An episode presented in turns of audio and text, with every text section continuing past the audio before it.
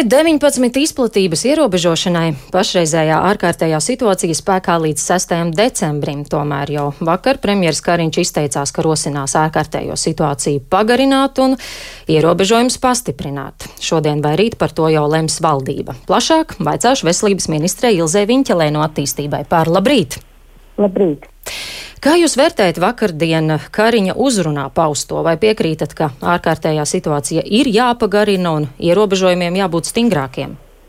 Mm, par ārkārtējas situācijas pagarinājumu runāju pati jau pirms nedēļas, uh, arī informējot uh, sabiedrību, ka pēc epidemioloģiskajiem datiem uh, šāda nepieciešamība ir acīm redzama. Un kā ar stingrākiem ierobežojumiem?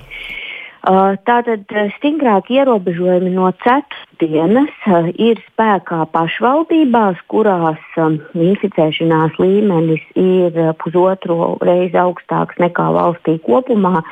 Un arī jau pirms nedēļas minēju, ja situācija nestabilizējās, un mēs tieši šādā, arī šādā ainu redzam, tad striktāk ierobežojumi būs nepieciešami arī visas valsts teritorijā. Kādi tie varētu būt?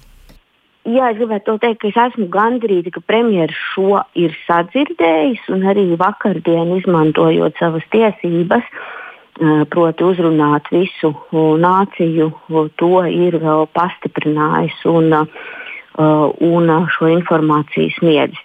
Par striktākiem ierobežojumiem. Šeit vispirmām kārtām ir jāskatās, kā mums ir veicies ar esošo ierobežojumu, kuru nav maz ievērošanu.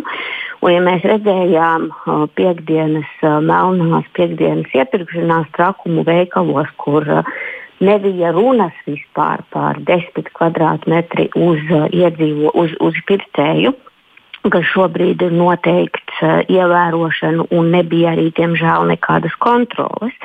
Tāpat tās pilns Facebook ir ar uh, sludinājumiem, ka uh, skaistumskopšanas speciālisti piedāvā manikīras, kropstu likšanas pakalpojumus, un tur arī kontrole nenotiek. Tas, ko es vēlos uzsvērt, ka pasākumi bez kontroles, kā mēs redzam, savu mērķi diemžēl nesasniedz. Un, uh, vienlaikus lemjot par striktākiem ierobežojumiem, obligāti atbildīgajiem ministriem ir arī jādemonstrē gatavība un jāinformē valdība un sabiedrība par plānu, kā šos ierobežojumus uzraudzīs. Proti, šeit uz iekšlietu ministru varētu būt norāde, ka policijas kontrolē jābūt stingrākai. Kā jūs redzat?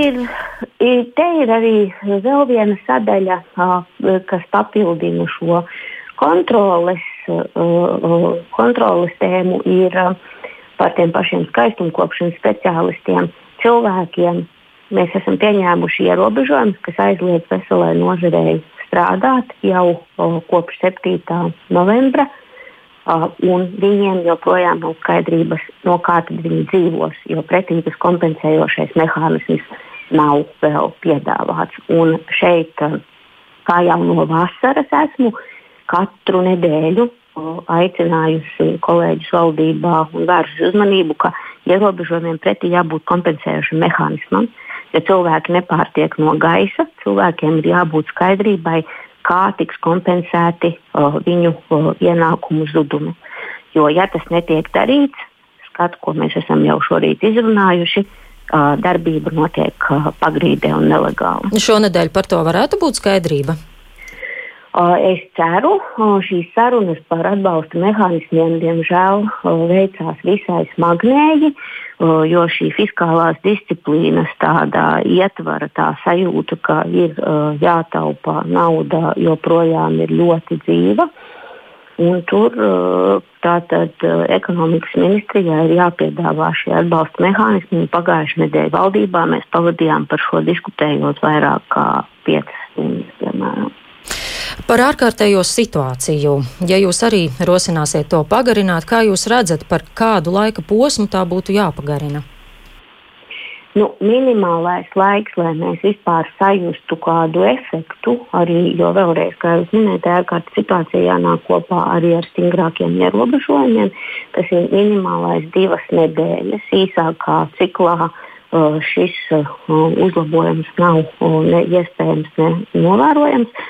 Tad tas varētu būt divas, trīs nedēļas.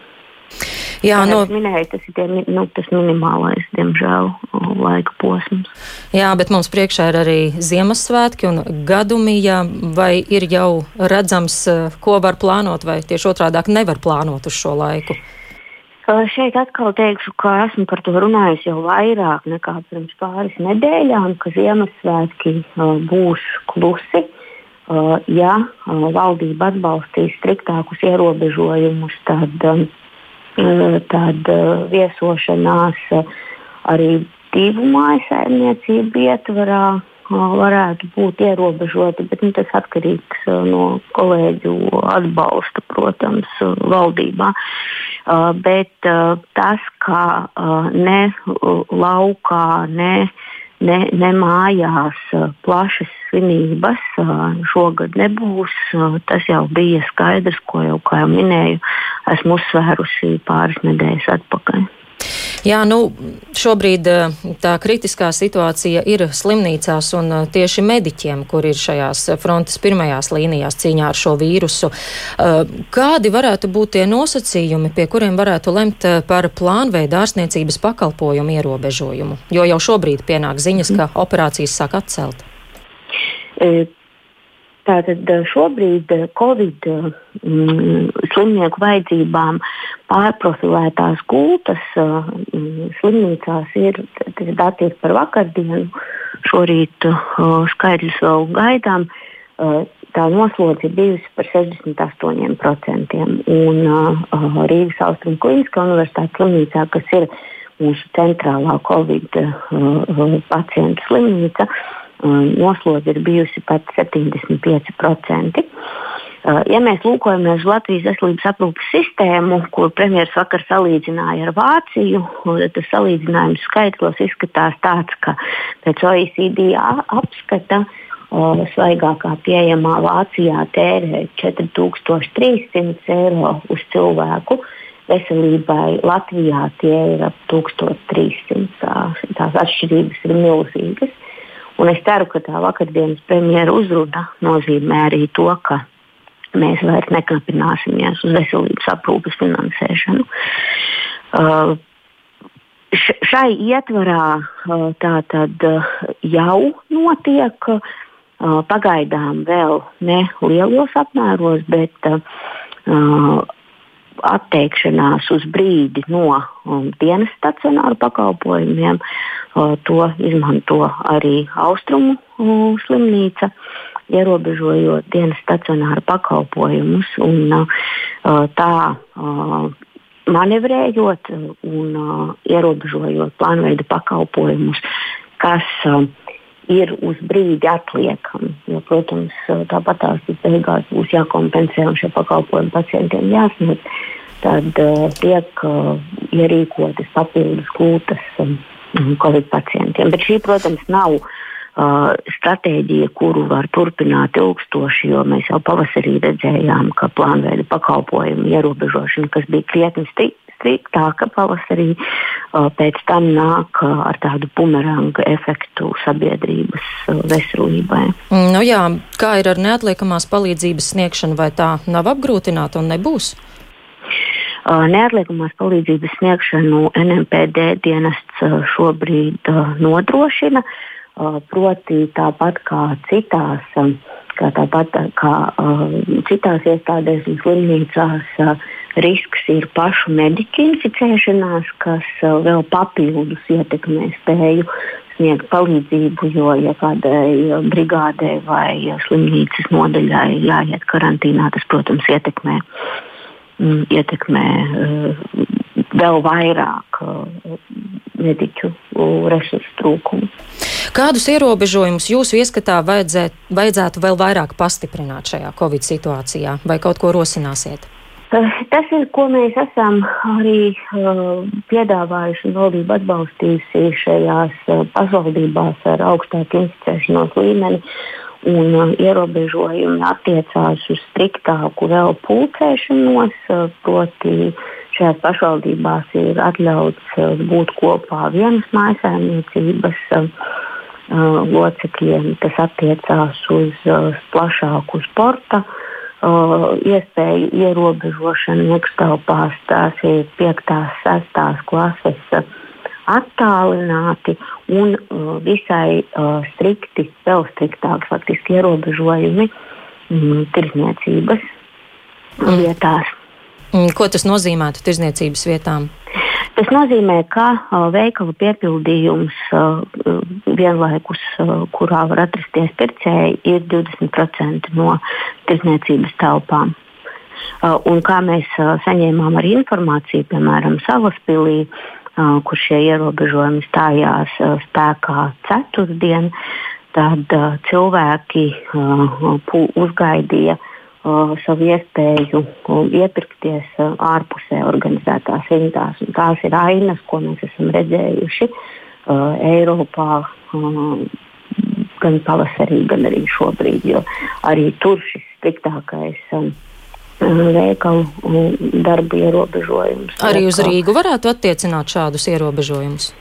Kā jau es minēju, tad šie striktākie ierobežojumi ir skatāmi visas valsts mērogā.